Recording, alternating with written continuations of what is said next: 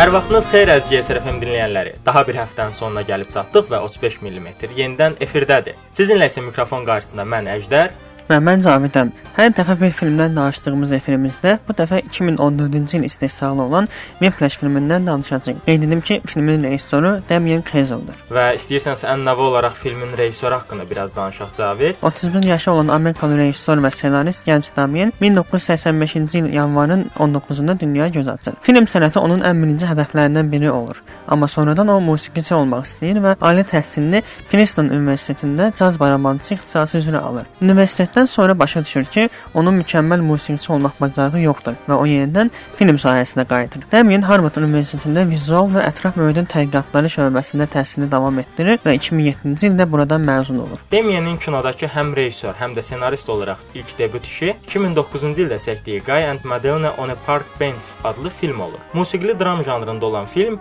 Truba ifaçısı bir oğlan və Madeline adlı qızın sevgisindən bəhs edir. Kino dünyasına yeni qoşulduğu üçün elə də zəngin xronologiyaya sahib olmayan Damien 2013-cü il istehsalı olan Grand Piano adlı filmin də ssenari müəllifidir. Ssenaristə xas musiqinin əsas olduğu triller janrında film bir pianoçunun həyatından bəhs edir. Rejissorun növbəti filmi isə Whiplash olur ki, hansı ki ə, bu gün haqqında danışacağım filmin qısa film versiyası. Bundan başqa rejissor bu il yeni filmdə nümayiş etməyə hazırlaşır. Nümayişin dekabrın 16-sı planlaşdırılan filmdə müəllif öz üslubunu qoruyub saxlayaraq yenə musiqi janrına üst tutub. La La Land adlı bu layihədə baş rolda Hollywoodun bacarıqlı aktyorları olan Emma Stone, Ryan Gosling və başqaları çıxış edirlər. Bundan başqa deyilənə görə rejissor başqa yeni bir film üzərində də işləyir ki, deyilənə görə rejissorun bu filmi aya ayaq basan ilk kosmonavt Neil Armstrongun haqqında olacaq ki, ilkin məlumatlara əsasən filmin adı First Man, yəni ilk adam olacaq ki, film kosmonavtika haqqında bioqrafiya kitabı əsasında ekranlaşdırılacaq. Və hələ ki cəmi 31 yaşı olan bu cavan rejissorun xronologiyasını müşahidə etdiyimiz filmləri daha çox musiqi ilə bağlıdır. Bu da indi eyni ssenari Whiplash üçün də xarakterikdir, hansı ki bir bir müddət sonra artıq bu faktların içərisində bu xüsusi yer alacaq. Bu baraban sevdası, ümumiyyətlə musiqi məktəbi və caza olan sevgisi, amma ümumilikdə film tərzinin sırf olaraq musiqinin üzərinə fokuslanması və sırf ə, hekayələrin o istiqamətdə etməsi mənə görə kifayət qədər yaxşı alınıbdı və ə, bir növ ə, onun özünə məxsusluğunu göstəribdi ki, ə, birbaşa olaraq əsas ə, personaj ya musiqiçi olur ya da hekayələr musiqinin ətrafında dövr eləyir. Və bu məncə ə, hələ cəmi 31 yaşında olmasına baxmayaraq artıq bu Amerikalı rejissorun özünə məxsusluğuna gətirib çıxardıb ki, bu da nəticəsində artıq ə, ilk film olaraq, yəni aktyor olaraq ilk ə, Oscarını da almışdır artıq bu. Ə, ən yaxşı köməkçi aktyor olmalıdır. Bəli. Eyni zamanda musiqi deyirik. Musiqi deyəndə Amerikan kinosunda ən çox belə musikallar, yəni musikallar yadda düşür, amma bu film bu rejissorun çəkdiyi bu musiqi ə, musiqinin əsas olduğu bu filmlə musikaldan daha çox ə, öz dram ə, xüsusiyyətləri ilə daha çox bilinir ki, yəni bu bunun filmindəki dram ə, dram elementləri ə, bir musikal filminə görə daha çoxdur. Rejissorun hələ ki digər filmlərinə açığına bax ə, qalsa baxmaq qismət olmayıbdı, amma ə, sırf bu Whiplash filminə baxanda hətta bu dramın ə, əsas personajın ə, hər hansısa bir ə, sevdiyi şəxs və yaxud da ki, ailə həyatından daha çox birbaşa olaraq musiqi həyatı ilə bağlı yaşadığı dram olması da ayrıca nəzərə çarpan faktdır ki, bir növ ə, filmlərində musiqi və insanın necə həmahəng olduğu və adi insanla yaşadığı hissləri də musiqi və onun uğrunda gedən yolda da yaşadığını göstərir ki, ə, eyni hadisəni biz Whiplash-də də görə bilirik rahatlıqla. Və istəyirsənsə filmin qısaca mövzusuna keçid alaq. Deməli qəhrəmanımız Andrew Neyman müsəlmandır. Onun 19 yaşı vardır və o prestijli bir məktəb olan Şafırda birinci e, kurs şagirdi olaraq təhsil görür. Onun ən böyük arzusu isə baraban ifa etməkdir. Kiçik yaşlarından bu günə qədər tək xəyalı isə usta e, adlandırılan e, barabançılar arasında da adının çəkilməsidir. Bunun üçün dərslər xaricində tez-tez məşq edir və elə bu məşqlərin birində e, bir caz ustası, eyni zamanda məktəbdə də müəllim olan Terence Fletcher'in diqqətini çəkir. Fletcher e, filmimizdəki ikinci əsas obrazlardan biridir ki, bu həz, bundan sonra artıq e, bütün hekayə e, Andrew və Fletcher arasında baş verir. E, Fletcher məktəbdəki parlaq şagirdlərdən ibarət olan Studio Band adında bir qrup qurmuşdur və bu qrup tez-tez e, nüfuzlu yarışlarda iştirak edir. Filmin ilk səhnəsində gördüyümüz Androvun e, məşq elədiyi səhnədən o öz biruzə verməsi də biraz təsirlənir və ə, sonrakı səhnələrdə görürük ki, artıq o da onu öz qrupuna ə, qəbul eləmişdir. Və filmin əsas ə, istiqamətlərindən, inkişaf edən istiqamətlərindən biri Andrew və F ə, Fletcher arasında olan münasibətlər və musiqi uğrunda gedən bir növ ə, ən usta olmaq uğrunda gedən yarış olduğu halda, digər bir tərəfdə isə ə, Newman, yəni Andrew'nun filmin əsas personajının öz atası və ailəsi daxilində özünü təsdiq prosesindən ibarətdir. Ə, biz bu ə, ailə daxili münasibətləri eyni zamanda ailəsinə qarşı özünü təsdiqlətmə periodunu biz film ərzində ən azı 2-3 dəfə gö görə bilirik ki, ə, filmin başlanğıc səhnəsində öz atası ilə birlikdə popkorna ə, popkorn yemək səhnəsi var idi ki, atası popkornu daha çox qara üzümlə birlikdə yeyir və ə, Newman qara üzümlə yemədiyi üçün atası sadəcə olaraq ona mən səni başa düşə bilmirəm. Axı qara üzümlə yeməyin nəyi pisdir ki deyir və ə, bununla da əslində sadəcə olaraq artıq Andrew'nun yalnızca Andrew'nun qara üzüm yeməmə məsələsini yox, ümumi onun həyatı və həyat seçimlərini də başa düşmədiyini bildirir. Və digər bir səhnə isə artıq ə, yemək masası ətrafındakı səhnədir ki, burada da ailəsi tərəfindən öz təsdiqini tapmadığı da ə, sadəcə olaraq barabançısan və yaxud da musiqi işlərinin necə necə gedir deyib qısalaşdırıb futbol ilə məşğul, Amerikan futbolu ilə məşğul olan digər bir qohumunun ə, uğurlarının daha çox qabardılması olur ki, burada elə Andrew-nun dilindən də bildirilir ki, o hələ cəmi 3-cü lig oyunçusudur. Heç 2 də deyil, 1 də deyil. Ə, və o buna baxmayaraq o necə də şişirdilir. Amma mən isə artıq Amerikanın əsas universitetlərinin birində ə, orkestr üzvüyəm. Və bununla da əslində ailəsi daxilində necə anlaşılmazlıqları olduğu görsənir və bu da rahatlıqla filmdə öz əksini onun öz otağında tapır ki, otağı başdan ayağa həmin dövrün ə, və ondan əvvəlki dövrün məşhur barabançıları və öz barabanından ibarət ibarətdir və günü demək olar ki, burada məşq eləməklə keçir. Musiqi məktəbində orkestr başçısı olan təcrübəli müəllim Fletcher onu öz komandasına qəbul edəndən sonra filmin əsas hekayəsi başlayır. Komandaya qəbul olsa Andrew hələ ehtiyatdadır və əsas hədəfinə çatmaq üçün çox çalışmalıdır. Fletcher Andrew üçün ə, hədəfinə getdiyi yolda həm müəllimi, həm də ən böyük maneəsidir. Elə filmin ilk səhnəsində də bayaq dediyimiz kimi bunu bunu hiss etmək mümkündür. Açılış səhnəsi ə, bir texniki olaraq kamera kamera işi baxımından da çox möhtəşəmdir və yəni, həmin ə, həmin səhnədə eyni zamanda ə, Androvun öz işinə necə ə, böyük həvəslə ə, maraqlandığını da görürük ki, ə, bu səhnə elə onun məşq elədiyi bir səhnə ilə başlayır. Birdən otağa Fletcher gəlir və o Androvun bacağını bir növ görməzlikdən gəlir. Ondan yerindən ifa etməsini istəyəndən sonra isə Androv başlayır ə, yeni ifasını eləməyə, başını qaldıranda də görür ki, artıq Fletcher qapını çırpıb və otağı tərk etmişdir. Yəni onun elədiyi şeyə heç bir nə yaxşı, nə pis, heç bir fikir bildirmədən ə, ə, demək olar ki, tam bir fikirsizlik baxımından otağı tərk edib və gedir. Və elə Fletcher obrazı haqqında da indi birazdan daha detallı danışacağıq ki, bu obraz daha çox kimin xarakterinə əsasən yaradılmışdır və yaradılan zaman əsas götürülən perspektivlər nələr idi və bu obraz haqqında elə filmin özündə də xüsusi detallar yerləşdirilmişdir ki, hansı ki birbaşa olaraq Newman özü ilə bağlıdır. Bütün bunları artıq efrimizin növbəti hissəsinə, yəni artıq faktlarımızdan danışan zaman rahatca dinləmək olacaq. Və filmin gedişatı zamanı isə artıq həmin ilk səhnədə onu görən Fletcher, ikinci səhnədə isə özü sinifə daxil olur və sanki anidən heç nə olmamış kimi artıq seçimlərə başlayır ki, o seçimlərdən biri də elə Newman olur. Və burdan da düşünmək olar ki, artıq həmin birinci səhnədəki ifası heç də Fletcher üçün adi bir şey olmamışdır və bir növ onda öz ritmini tapa bilmişdi. Və hadisələrin gedişi bundan sonra daha da qəlizləşir və film bundan sonra getdikcə daha da qarmaşıq bir vəziyyətə gəlir ki, artıq həmişə ikinci olan Newman artıq ikinci olmağı özünə qəbul edə bilmir. Və film film də bir növ bundan sonra onun əzmi və heç vaxt ikinci olmamaq uğrunda apardığı mübarizənin üstündə qurulur. Bunun da nəticəsi təbii sonradan artıq Fletcherin işdən qovulmasına, eyni zamanda isə Newman da həvəsdən düşərək barabanı bir müddətlik də olsa atıb gətirməsinə gətirib çıxardır ki, və bütün bunların hər birində səbəbi sadəcə olaraq Fletcherin Newmana dediyi mənim tempimə uyğun deyil ifadəsinə görə idi ki, Newman bununla daha da qəzəblənərək uyğunlaşmağa çalışır və beləcə bütün əsəbi xarakteristikası pozulur olur. Hətta sevgili olmağı özü təklif etdiyi kinoda işləyən qızla belə ə, ayrılıb gətirilməsinə çıxardır ki, bəs baraban mənim həyatımdır və ə, mən ona vaxt ayırdığım üçün sənə vaxt ayıra bilməyəcəm. Buna görə də ə, münasibətlərimizin pozulmağını və yaxud da daha da çirkin bir vəziyyət almağını istəmirəm. Ona görə ayrılsaq daha yaxşıdır. Bir ifadə ilə də qızla belə ayrılır. Elə bu ə, qızla, ə, yəni tanış olduğu qızla olan bir ə, maraqlı faktı deyə bilər ki, elə Andrew-nun qızla tanış olmasına səbəb də, ondan ayrılmasına səbəb də Fletcher olmuşdur.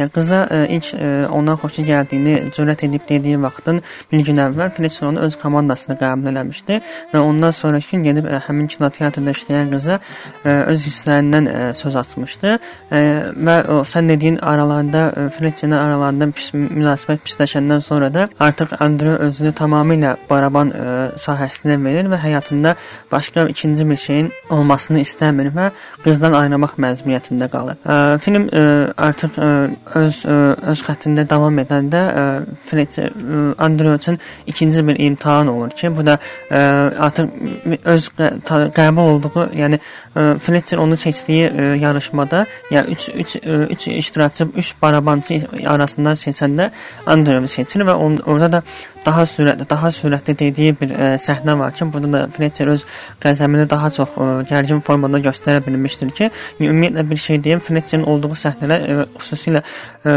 səhnələr ə, bu gərginliyi ilə daha çox yadda qalır da. Yəni orada elə bir ki, gərginliyin az olduğu səhnə çox azdır.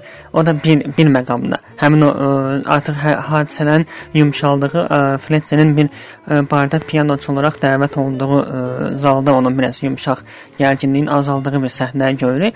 Və hətta bu ə, dediyim məqam biz ə, artıq sadəcə olaraq orkestr üzvləri belə Fletcher otağa daxil olanda həmin gərginliyi həmin an hiss eləmək olur və ə, kiməsə irad tutulanda hər bir adamın üzündəki o qorxu, həmin ə, o hisslər ki, bəs artıq nə etməli, hətta orada akordun pozulması bir səhnəsi var idi filmin ə, artıq əvvəlində və həmin hissədə olan hər bir adamın gərginliyi və ə, hətta akordu olmayan belə ə, akordu olmayan bir adamın belə əslində akordu pozulmayan bir adamın belə akordun pozulmağını qəbul etməsi bu çox ağır psixoloji bir bir növ təzyiqin göstəricisi idi ki, e, Fletcherin olduğu hər bir səhnə sən demiş e, həmin hissələrin təzahürüdür mənim fikrimi soruşsan isə Newman ilə Fletcherin barda görüşdüyü səhnə, hansı ki Fletcher piano çalırdı, o səhnə isə böyük bir gərginliyin sadəcə olaraq təməli olaraq qiymətləndirir. Yəni demək olar ki, fırtınadan əvvəl sakitlik deyə, bilərik.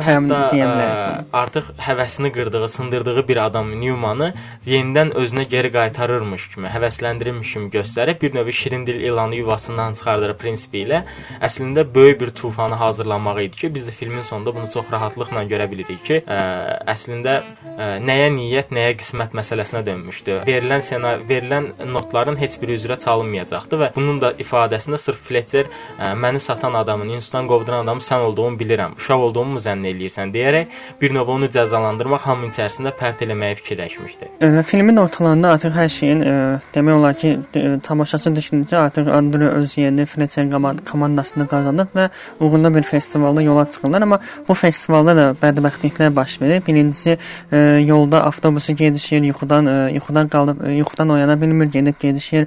Sonra ə, e, baraban alətlərini ə, maşın kiraladığı, kirayə götürdüyü yerdə unudur. Sonradan onu təzədən gətirib götürəndə ə, yolda qəza keçirilir. Baxmayaraq ki, qəza keçirilir və üstü qanı, hər tərəfi əlləri qan içində təzədən ə, yarışmaya gedir və orada Fletcher onu ə, bir mənalı olaraq rədd edir və onun ə, çala bil çal çalmamasını istəyir.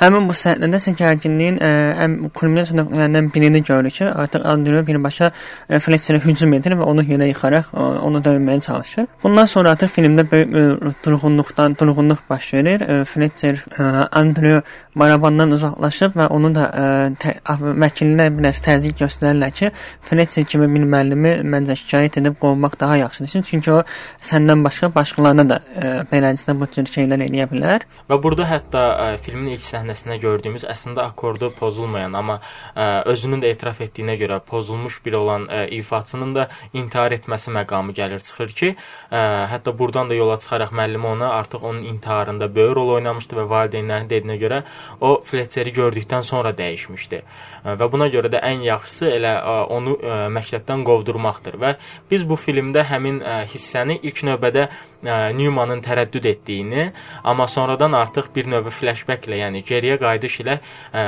həvəsinin necə qırıldığını və öz adicə evdəki barabanların belə necə ə, şkafa yığıldığı göstərildiyi səhnələr gördükcə Newmanın qəzəbinin necə artdığını daha rahat görə bilirik. Və bunun nəticəsində artıq o ə, müəllimə rahatca bildirir ki, nə demək lazımdırsa deyin, qovduraq. Fletcherin haqqında bayaq dedik ki, o, o ilk səhnədə otağa girəndə bütün ə, şagirdləri qorxu içində ayağa qalxır və Fletcher də yəni ki, bizim də məktəb, mən yəni, məktəb vaxtından tanıdığım elə müəllimlər də olmuşdu ki, elə müəllimlər var ki, o otağa girəndə birincisi hörmətdən ayağa qalsa, ikincisi isə onun ayağa qalxmağı səbəbin ondan qorxmağın olurdu. Fletcherdə e, bu tip, yəni bizim gördüyümüz müəllimdən ümumi bir e, tətəssümüdür deyə bilərəm.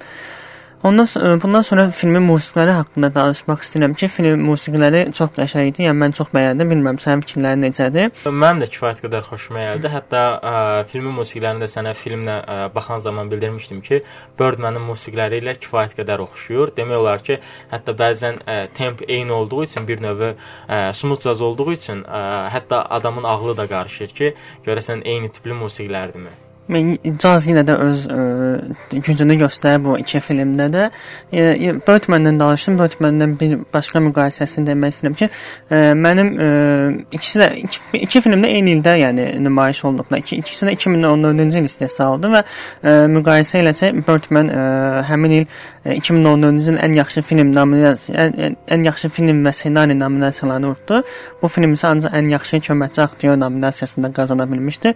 Birdman-dan ə, bu Whiplash filminin arasında olan musiqi fərqlərindən nədirsə, ə, sırf ə, Birdman ə, Oscar qazanıb deyə yox, mən o filmin musiqilərini daha çox bəyəndim. Çünki orada filmdə istifadə olunan musiqilər kənar səslərdən e, daxili səslərə keçidlər idi, amma burada gördüyümüz bütün musiqilər Whiplash-da hamısı e, daxili e, daxili səslər idi. Yəni hamısı bütün eşitdiyimiz musiqilər daxildə, yəni filmin səhnəsində hamının ifa elədiyi musiqilər idi. Amma ə, Birdman-da bu iki daxili və kənar musiqi texnikası bir-birinə qarışdırılmışdı. Bilmirəm Birdman-da ə, onu onunla müzakirə eləmişdi. O bilmirəm yadında qalıb ya yox. Orada bəzi səhnələrdə o qəhrəmanlar yeniyəndə bəzi baraban səsləri eşidir, amma sonrakı bir səhnədə artıq kamera hərəkəti ilə həmin o baraban çalan ifa edən adamı da görürük ki, bu mənim üçün bir e, səs texnikası cəhətdən çox xoşuma gələn bir şeydir ki, e, səs e, yəni filmdə istifadə olunan musiqi kənar səsdən daxili səsə keçir və o bir-birinin e, yəni bir-birinin miksi olur ki, yəni bu baxımdan əgər müqayisə eləsəm Birdman mənim üçün daha yaxşı daha yaxşı işlədilmişdi musiqilərini. Mən isə Whiplash açığına qalsa musiqilərini biraz daha çox bəyəndim. Səbəbini bir dənə qısa formada izah eləyim ki, Buyurun, efirimizin vaxtından da çox getməsin. Bunun səbəbi isə ə, bir növ həmin musiqilərin necə təbii və yerində işlənməsini və bir növ həmin anla bağlı olmasını görə bilirik ki, bu da qalan ə, həyat formasını, yəni qalan vaxtlarda vipləşdə əslində insanların sadə insan olduğunu və artıq musiqi haqqında danışılan zaman musiqiyə baş vurulduğunu göstərir ki, bu da dinləyicinin diqqətini dağıtmır. Və filmdə faktların içərisində qoy bunu indidən deyim, filmdə bütün musiqilər hamısı real insanlar tərəfindən, hətta baş qəhrəman Andrew Newman tərəfindən çalınmışdır ki, və hətta filmin ə, soundtracklərin içərisindədir, yəni filmin musiqilərinin içərisində də bu real ifalardan istifadə olunmuşdu. Bu baxımdan öz təbiiliyi ilə görsənir ki, Whiplash-də əslində kimin nəyi ifa elədiyini rahatca görmək olur.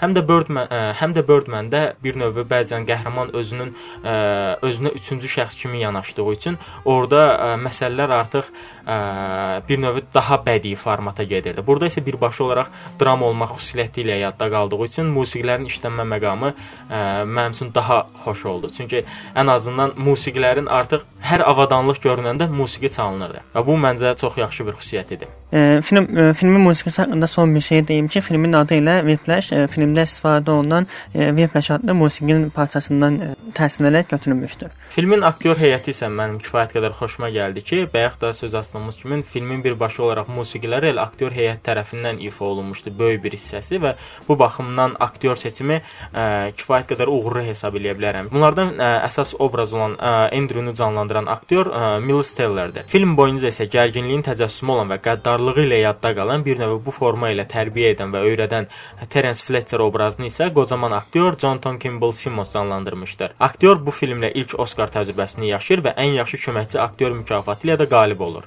Bunlardan başqa aktyor heyətində Paul Reiser, Melissa Benoist, Nate Lang və başqaları da çıxış edir. Belə əziz dinləyicilər, film filmin mövzusundan və onun ə, aktyor heyətindən biraz danışdıq. Ə, fikrimcə indi bir qısa bir musiqi fasiləsinə ayrılmağın vaxtıdır. Qısa bir musiqi fasiləsindən sonra yenidən bizi bizimlə qalın və Whiplash filmi haqqındakı maraqlı faktlarımız da yenidən sizin qarşınıza çıxacaq.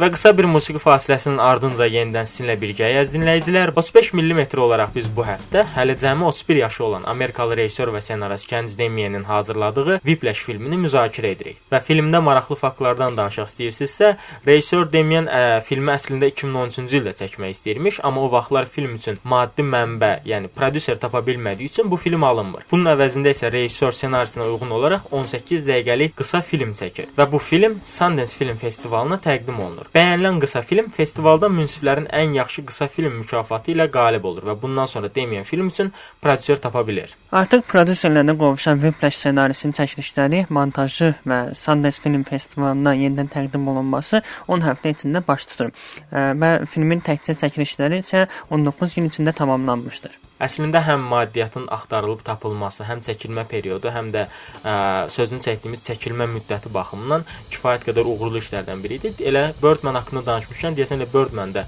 çox qısa vaxt aralığında çəkilmişdi.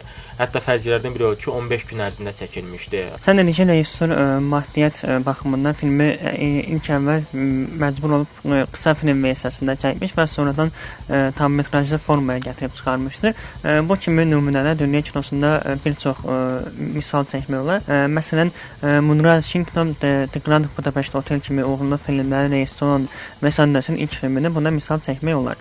Belə ki, rejissor 1994-cü ildə çəkdiyi Battle Rocket adlı qısa filmini 2 il sonra, yəni 1996-cı ildə isə bu filmin tam metrajlı versiyasını çəkmişdir. Başqa bir nümunə kimi isə Paul Thomas Anderson misal gətirmək olar. Rejissor onun adını dünyada tanınan filmlərindən biri olan 1997-ci ildə çəkdiyi Boogie Nights filmindən əvvəl 1987-ci ildə bu filmin qısa metrajlı versiyasını çəkmişdir. Yəni beləsinə, yəni bu bu siyahını daha da çoxaltmaq olar və dünya kinosunda beləsinə təcrübələr çoxdur. Yəqin ki, onlar da beləsinə özlərinə prodüser tapmaq, yəni maddiyyat tapmaq üçün bu yola əl atmışdılar bir növ əslində prodüserlərə özünü tanıtmaq və özünü təsdiq etmək üçün filmin qısa treyler versiyası çəkilir və ə, hansı ki qısa metrajlı versiyası çəkilir və bu versiya artıq ə, uyğun görüldükdən sonra, artıq ə, prodüser cəlb eləyəndən sonra əsas işə girişilir. Bu da əslində filmi çəkmək üçün çox yaxşı ə, üsullardan biridir və ə, digər faktlara keçməmişdən öncə isə Cavid Yenə sənə bir sual verim ən-nəv olaraq. Film birbaşa olaraq gördüyümüz qədərilə əslində bir gəncin müəyyən bir məqsədə çatması uğrunda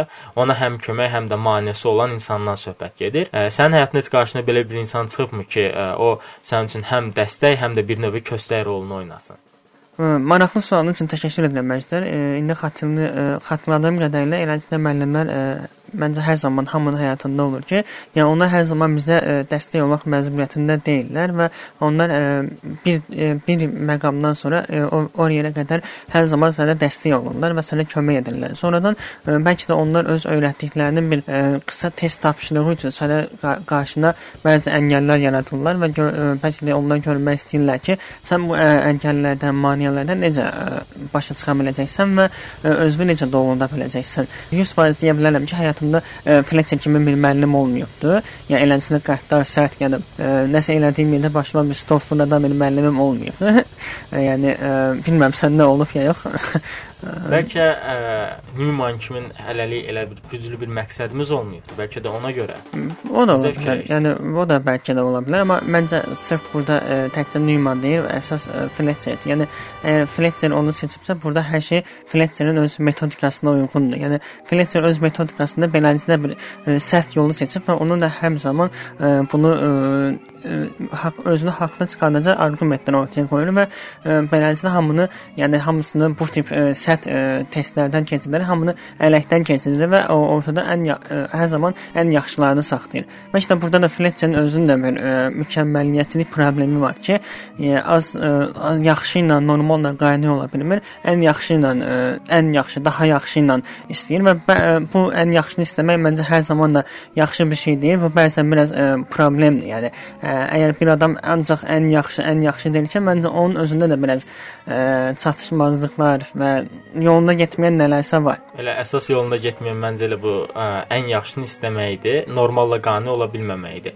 Ə, filmin əvvəlinə ilk dəfə baxanda açığı ə, məndə yaranan təəssürat ə, bunun necə özündən razı, Fletcherin necə özündən razı, bir növ egoist və heç nəyi bəyənməyən biri olması idi. Amma ə, filmdə çox gözəl bir səhnə baş verir ki, ə, disk ilə gəlir və bu gün əslində orkestrin yayım günü olmayacağını, sadəcə olaraq diski dinləməli olduqlarını bildirir ə, bütün orkestr üzvlərinə və və diski dinlədikdən sonra isə ə, öz orkestr üzvlərinə qayıdır və bunun əslində özünün tələbəsi olduğunu, hələ cəmi 30 yaşlı tələbəsi olduğunu və sizin də keçdiyiniz bu ağır əziyyətlərdən onun da keçdiyini bildirir.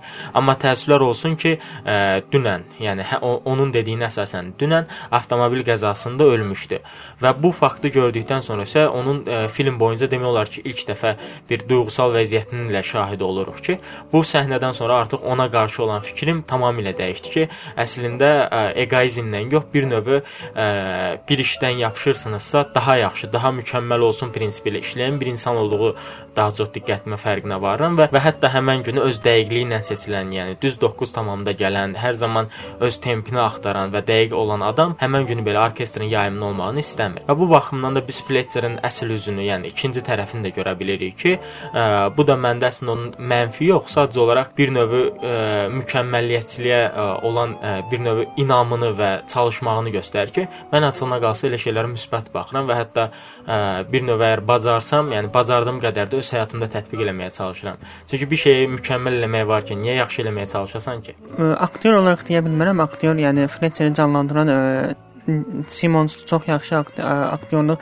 fəaliyyəti göstərir bu filmdə, amma obrazında Fletcherdə sevmədiyim, hətta xoşlamadığım, heç sevmədiyim bir məqamı demək istəyirəm. Burada Fletcherin özünü tez-tez anidən dəyişkən, dəyişdiyini göstərmək üçün axırıncı səhnədə o Andrew bir plan qurur və onun bütün karyerasında hələ sıfırda olan bir karyerasını daha da yerin dibinə soxmaq istəyən bir plan qurur və o planda Andrew yenə o öz, özünü təsdiq etməyə çalışır və ə, hamının da bildiyi kimi orada sonu filmin sonundakı o ə, çox gözəl bir 10 dəqiqəlik bir musiqi ə, musiqi eşidilir orada və o təkcə də hamısı da Andrew-un ifasında olur. Orada mən e, heç gözləmədim ki, Fletcher birdən-birə dəyişər və o e, müsbətə dəyişər. Yəni mən o filmdə e, son səhnədə yaxın planda Fletcherin üzünü göstərməyi və o Andrew-a gülümsəməsi, yəni onu e, bir növ e, texniki baxımdan bizə göstərilən formada onu qəbul etməsi mənim e, xoşuma gələn məqamlardan biri olmadı. Çünki e, Fletcher kimi obrazı belə tez-tez xasiyyət dəyişkənliyini mən e, bir növ yaratdım araşdırmadım. Onun hələ də o sərt ə, e, formada qalmasını istədim. Amma bəlkə də ə, e, eləncə bir ifadən sonra sərt qalmaq mümkün deyildi. Ə, e, o, onun bir möcüzəvi bir ə, sehr kimi hamıya təsir edir və Fletcher də məcbur olub ə, o həmin musiqi sehrinin altına düşdü və ə, əsl Andrew qəbul elədiyini göstərdi. Mən o səhnəyə tamamilə başqa cür yanaşıram, çünki mənə görə o səhnədə Fletcherin uğuru idi. Fletcher axırı ki istədiyini ala bildi və ə, onun üçün və bir daha sübut sübut elədi ki, onun üçün şəxsi məsələlər, şəxsi prinsiplərin heç biri musiqidən önəmli deyil və ə, Newman orada elədiyi hərəkət bir növ dirijorluğu öz əlinə alması və bütün ə, komanda idarə etməsi, 10 dəqiqəlik çox mükəmməl 3-ə yaxın ə, mən bilən orada improvizasiya oldu və onların hər biri ə, artıq onun üçün Fletcher üçün böyük zövq verici hadisə idi və mənim qəbul etdiyim forma bu idi. Çünki bir növ sənə bayaq dediyim səhnədə də aydın olduğu qədərilə o musiqiyə daha çox önəm verir, nəinki şəxsi prinsipləri ə, şəxsi prinsipləri və qəzəbi uğrundan başlatdığı şey artıq həmin uğuru və inamı gördükdən sonra artıq özü başlayır ondan bir yerdə eləməyə. Və açığına qalsa bu xasiyyəti mənim daha çox xoşuma gəldi ki, bir növ öz prinsipiallığı ucbatından nə isə məhv eləməkdən daha çox nəyinsə qurulmağın və xüsusilə də musiqi ilə bağlı şeylərin inkişaf etdirməyin tərəfdarıdır. Və hətta bununla bağlı ə, daima misal çəkdiyi Charles Parker, yəni ə, Fletcher Newman-a misal çəkdiyi Charles Parker ə, ə, misal göstərə bilərik ki, bir növ həmin ə, Newmanın etdiyi Charles Parkın etdiyi kimi idi və anidən gəldi və tək başına 10 dəqiqəlik solo konsert etdi və bunun nəticəsində axırı ki özünü təsdiq etmiş oldu. Filmin ssenarisi ilkin vaxtlarında bu psixoloji triller kimi yazılmışdı, amma son versiyada gördüyümüz qədər kifayət qədər ağır deyə biləcəyimiz bir psixoloji məqamları vardı. Filmin ssenarisi 2012-ci ildə tamamlanır və bu ə, keçən dəfə Spotlight filmi haqqında danışdığımız ə, Blacklist adlı ssenari, ssenarilərin toplaşdığı bir portalda ə, orada paylaşılır və həmin həmin ilin ə, hələ çəkilməmiş ən çox bəyənilən ssenarisi seçilir. Ümumiyyətlə filmlərdə hə, bir səhnə çəkilməyinin başladığını və bitirdiyini söyləyən şəxs həmişə rejissor olur və o ə, istədiyi yerdə kəsə bilər, yəni səhnənin çəkilişini. Amma bu filmdə ə, Damien biraz fərqli üsuldan istifadə edir. Bu da ancaq ə, Andrewun olduğu səhnələrdə istifadə edilir. Belə ki, Andrewun barabanda ifa etdiyi bir çox səhnələrdə rejissor çəkilişi dayandırmırdı və bir ə, hamı aktyor Miles Tellerin əldən düşdüyü anı gözləyirdi. Və rejissor bu yolla aktyorun çəkilişdə hər hansı bir emosiyasını gözdən qaçırmamaq üçün edirdi. Və Fletcher obrazını canlandıran aktyor Jonathan Campbell Simmons çəkiliş vaxtı xəsarət alır. Və bu xəsarət Andrew'un, yəni Newman'ın onu yerə yıxdığı, hansı ki özünün də maşından düşüb yaralandığı və buna baxmayaraq ifa etməyə çalışsa da alınmadığı səhnədə baş verir ki, və bunun nəticəsində aktyor iki qabırğasını qırır. Çəkilişlərin bitməsinə 2 gün qalmış baş verən bu hadisədən sonra aktyor bu ağrılara baxmayaraq öz işləməyinə davam edir. Bayaq rejissor haqqında danışarkən qeyd etdik ki, o həm də musiqi təhsili alıb və Demian bir müsahibəsində qeyd edir ki, universitet vaxtı onun gərgin xarakterə sahib bir müəllim var idi. Elə Whiplash filmində yaratdığı Fletcher obrazı da birbaşa olaraq bu müəllimindən təsirlənmişdi. Filmin bir səhnəsində daha da isə Fletcherin ə, ilk səhnədə ə, metodika üsulla tanış olduğumuz səhnədə ə, orkestrində sənin də qeyd etdiyin kimi bir kimi musiqiçilərdən birinin alətində akord pozğunluğu olduğunu eşidir və dəfələrlə təkid edir ki, həmin adam özünü ifşa eləsin. 2 dəqiqəlik prosesdən sonra ə, Metz adında biri birini hədəf alır və ona təzyiq edərək etiraf etdirir. Hansı ki, sən də demişdin ki, bu əslində akordu pozulmayan, amma bunu həmin o gərginlik stresinin altında başa düşə bilməyən bilməyən və özünü e, istər-istəməz etiraf edən bir adamdır. Həmin bu adam 1987-ci il istehsalda olan e, Full Metal Jacket filmindəki əskər e, Leonardın prototipidir. Bu oxşarlıq hər iki obrazın təlimçilər tərəfindən təhqir olunması və xarici görünüşlərdir ki, həmin iki obrazı e, kök personajlardır. Adını çəkdiyimiz Full Metal Jacket filmi kinonun daxiləndən sayılan Stanley Kubrick tərəfindən çəkilib və mövzusu müharibə dövründə Amerikan əsgərlərinin yaşadığı psixoloji travmalar obrazlardan bəhs edir. Və filmdə aktyor obrazının və filmdə aktyor seçiminin nə qədər uğurlu olduğunu elə Andrew obrazı ilə də aydın etmək olar ki, Andrew obrazını canlandıran Miles Teller 15 yaşından bəri barabanda ifa edir. Əvvəllər caz üslubunda ifa etməyən aktyor filmdən əvvəl gündə 4 saat, həftədə 3 gün məşq etmişdi. Bundan başqa öyrənmədiyi qəribə caz üslubu və böyük bir enerji səbəbi ilə əlində suluqlar əmələ gəlmişdi ki, və, və Newmanın əlinin qanadığı bəzi səhnələr isə həqiqətən real səhnələrdir. Maraqlı bir fakt kimsə deyə bilərik ki, Andrew filmin bütün səhnələrində yer alır. Və bütün hadisələr göstərir ki, Andrew əsas qəhrəmandır və bütün hadisələr onun ətrafında cərəyan edir. Andrew'un Fletcher ilə ilk imtahanı olan səhnədə e, filmə baxanda bəlkə e, xatırlayır ki, Fletcher bir neçə dəfə şillə vurur. Bu e, bu şillə səhnələri üçün əvvəlcə Fletcher e, ki, həqiqətən vurulmuş kimi çəkilir, amma e, bu bir neçə dəfə təkrarına davam edir. Sonda isə Simmons və Teller qərara gəlirlər ki, bu dəfə həqiqi yolunu etsinlər və Simmons ona doğrudan ona şillə vursun. Və filmdə istifadə olunan bu səhnə isə həqiqətən şillə vurulan ə, e, çəkilişlərin edildiyi hissələrdir. Musiqi ifa olunan yüklü səhnələrin özünə ə, e, məxsus xas cəhəti ondan ibarətdir ki, ə, e, səhnələr həm peşkar aktyorlar, həm də ki, ə, peşkar ə, musiqiçilərlə birlikdə çəkilir və buna həm də iki qat ə, vizuallıq deyilir filmdə. Məsələn, bir çox musiqi ifası olan filmlərin səhnələrində ifa edən əllər əsasən musiqiçilərin əlləri olur. Bayaq dediyimiz kimi 15 yaşından bəri barabanla məşğul olan ə, Miles Teller ə, Newmanın filmdə baraban səhnələrinin hamısını özü canlandırır. Üstəlik bu ifaların hardasa 40%-ə yaxını filmin əvvəlində də dediyimiz kimi filmin musiqiləri içərisində istifadə olunur. Filmdə bir neçə dəfə adı keçən və bayaq sənin ə, e, adını çəkdiyin Charles ə, e, Pecker vardır ki, ə, e, bu adam ə, bir növ Andrew'un özünə kumri seçdi, kumri seçdiyi və onu özünə ə, həmişə ə, dərs kimi götürdüyü adamdır.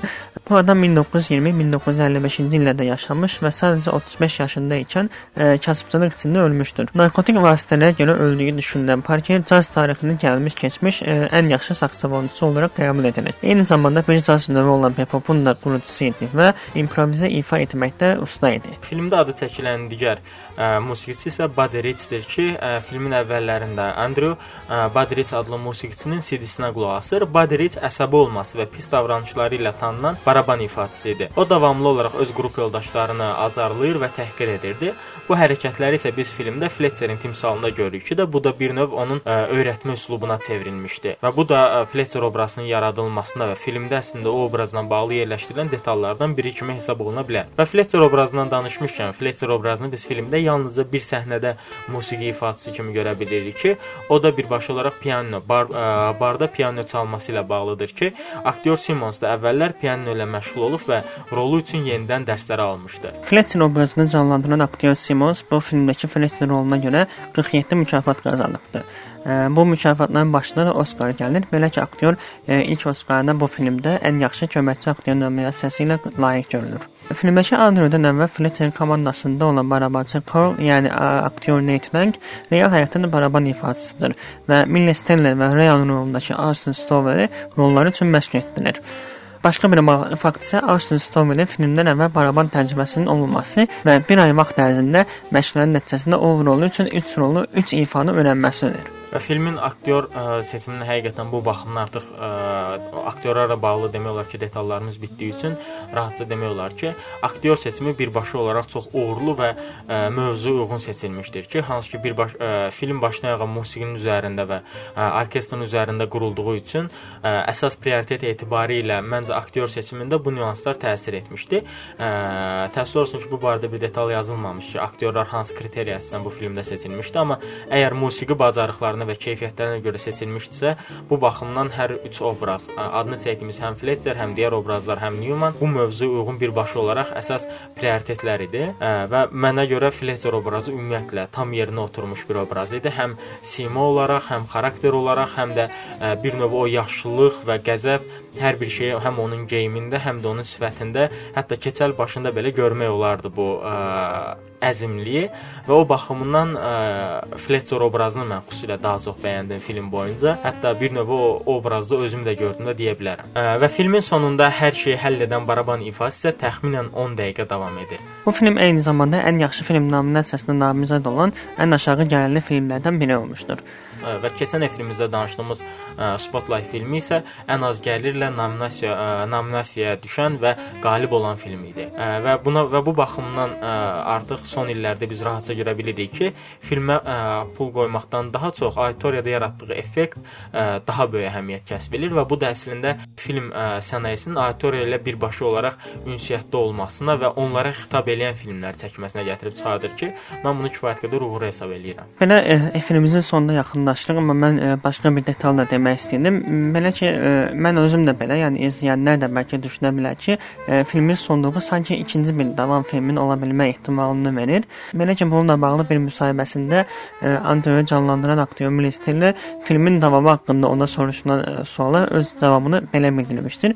O deyir ki, ə, məncə Andrew çox tənha həyat yaşayır. Sadəcə sadəcə sənəti üçün çalışır və indiyə qədər ki, ən yaxşı barabarçılardan biri olur. Amma çox acınası şəkildə tənha qalır. İnsanlar da böyük ehtimal ona tənha öləcəksən deyirlər. Və onun dediyinə görə Andrew də elə ancaq beləcə bir tipdir. Və bu ə, xəbər demir ki, filmin ikinci bir hissəsi gələcək. Sadəcə ə, aktyora soruşulan bir sualın ə, onun fikirlərini ə, təzəccümüdür. Səncə və... səncə necə olardı bunun ikinci filmini sən gözləyərdin yoxsa yox? Açığına qalsa bunun ikinci filminə mən ehtiyac duymazdım, çünki bu artıq bir növ ə, mövzunun daha da çürüdülməsinə gətirib çıxarda bilərdi. Çünki ə, Mənim şəxsi fikrimcə artıq mövzunun elə burada dayanması və ə, bundan sonrakı ssenari artıq bir növ təqrib olaraq bəllidir. Ya uğur qazanır, inkişaf edir, ya da uğursuzluğa düçar olur. Ə, tənha qalmağı ilə bağlı nüansda isə filmin ə, son səhnəsində artıq yenidən Fletcher ilə işləməyə başlayanda köhnə sevgilisinə zəng vurur. Artıq və onun çıxışının yeni çıxış olduğunu, gəlmək istəsə dəvət edə biləcəyini bildirir. O isə sevgilisinin ona icazə verməyəcəyini bildirir və bununla da əslində onunla bu mövzu ilə bağlı hansısa bir yenilik olmadığı üçün filmin filmin sonlarına yaxın, ə, e, yəni ə, e, təxmin etmək olar ki, film boyunca artıq onun yalnızca sevgilisi elə öz barabanı olaraq da qalacaqdır. Bəlkə də filmin davamını belə tez çəkmək istədiyim kimi yaxşı olmaz, çünki ə, e, ssenari bəllidir ki, nə olacaq. Bəlkə də bunu 10-15 ildən sonra filmin davamı kimi çəkmək olar. Ə, buradakı ə, bu gələcəkdəki ikinci filmi də ssenarisini təxmini belə təsəvvür edirəm ki, artıq Andrew biz ə, bir Fletcher olaraq izləyəcəyik və o da bir başqasına öz ə, öyrəndiyi üsulları və ə, keçdiyi həyat yolunu ona da öyrənəcəkdir. Ümid edirik ki, ə, ssenari sən dediyin kimi olar. Hətta mümkün olsa biraz daha fərqli ki, eyni ssenarilə, ə, eyni ssenarilə yenidən qarşımıza çıxmasınlar. Və təəssüflər olsun ki, Cavid bu həftə də efirimizin sonuna gəlib çatdıq. Ə, bu dəfə sizlər üçün 2014-cü ilin uğurlu ə, layihələrindən biri olan Whiplash filmindən danışdıq. Sizinlə isə mikrofon qarşısında mən Əjdər və mən Cavid idim. Gələn həftə yenidən eyni vaxtda eşidilmək diləyi ilə sağ olun, salamat qalın.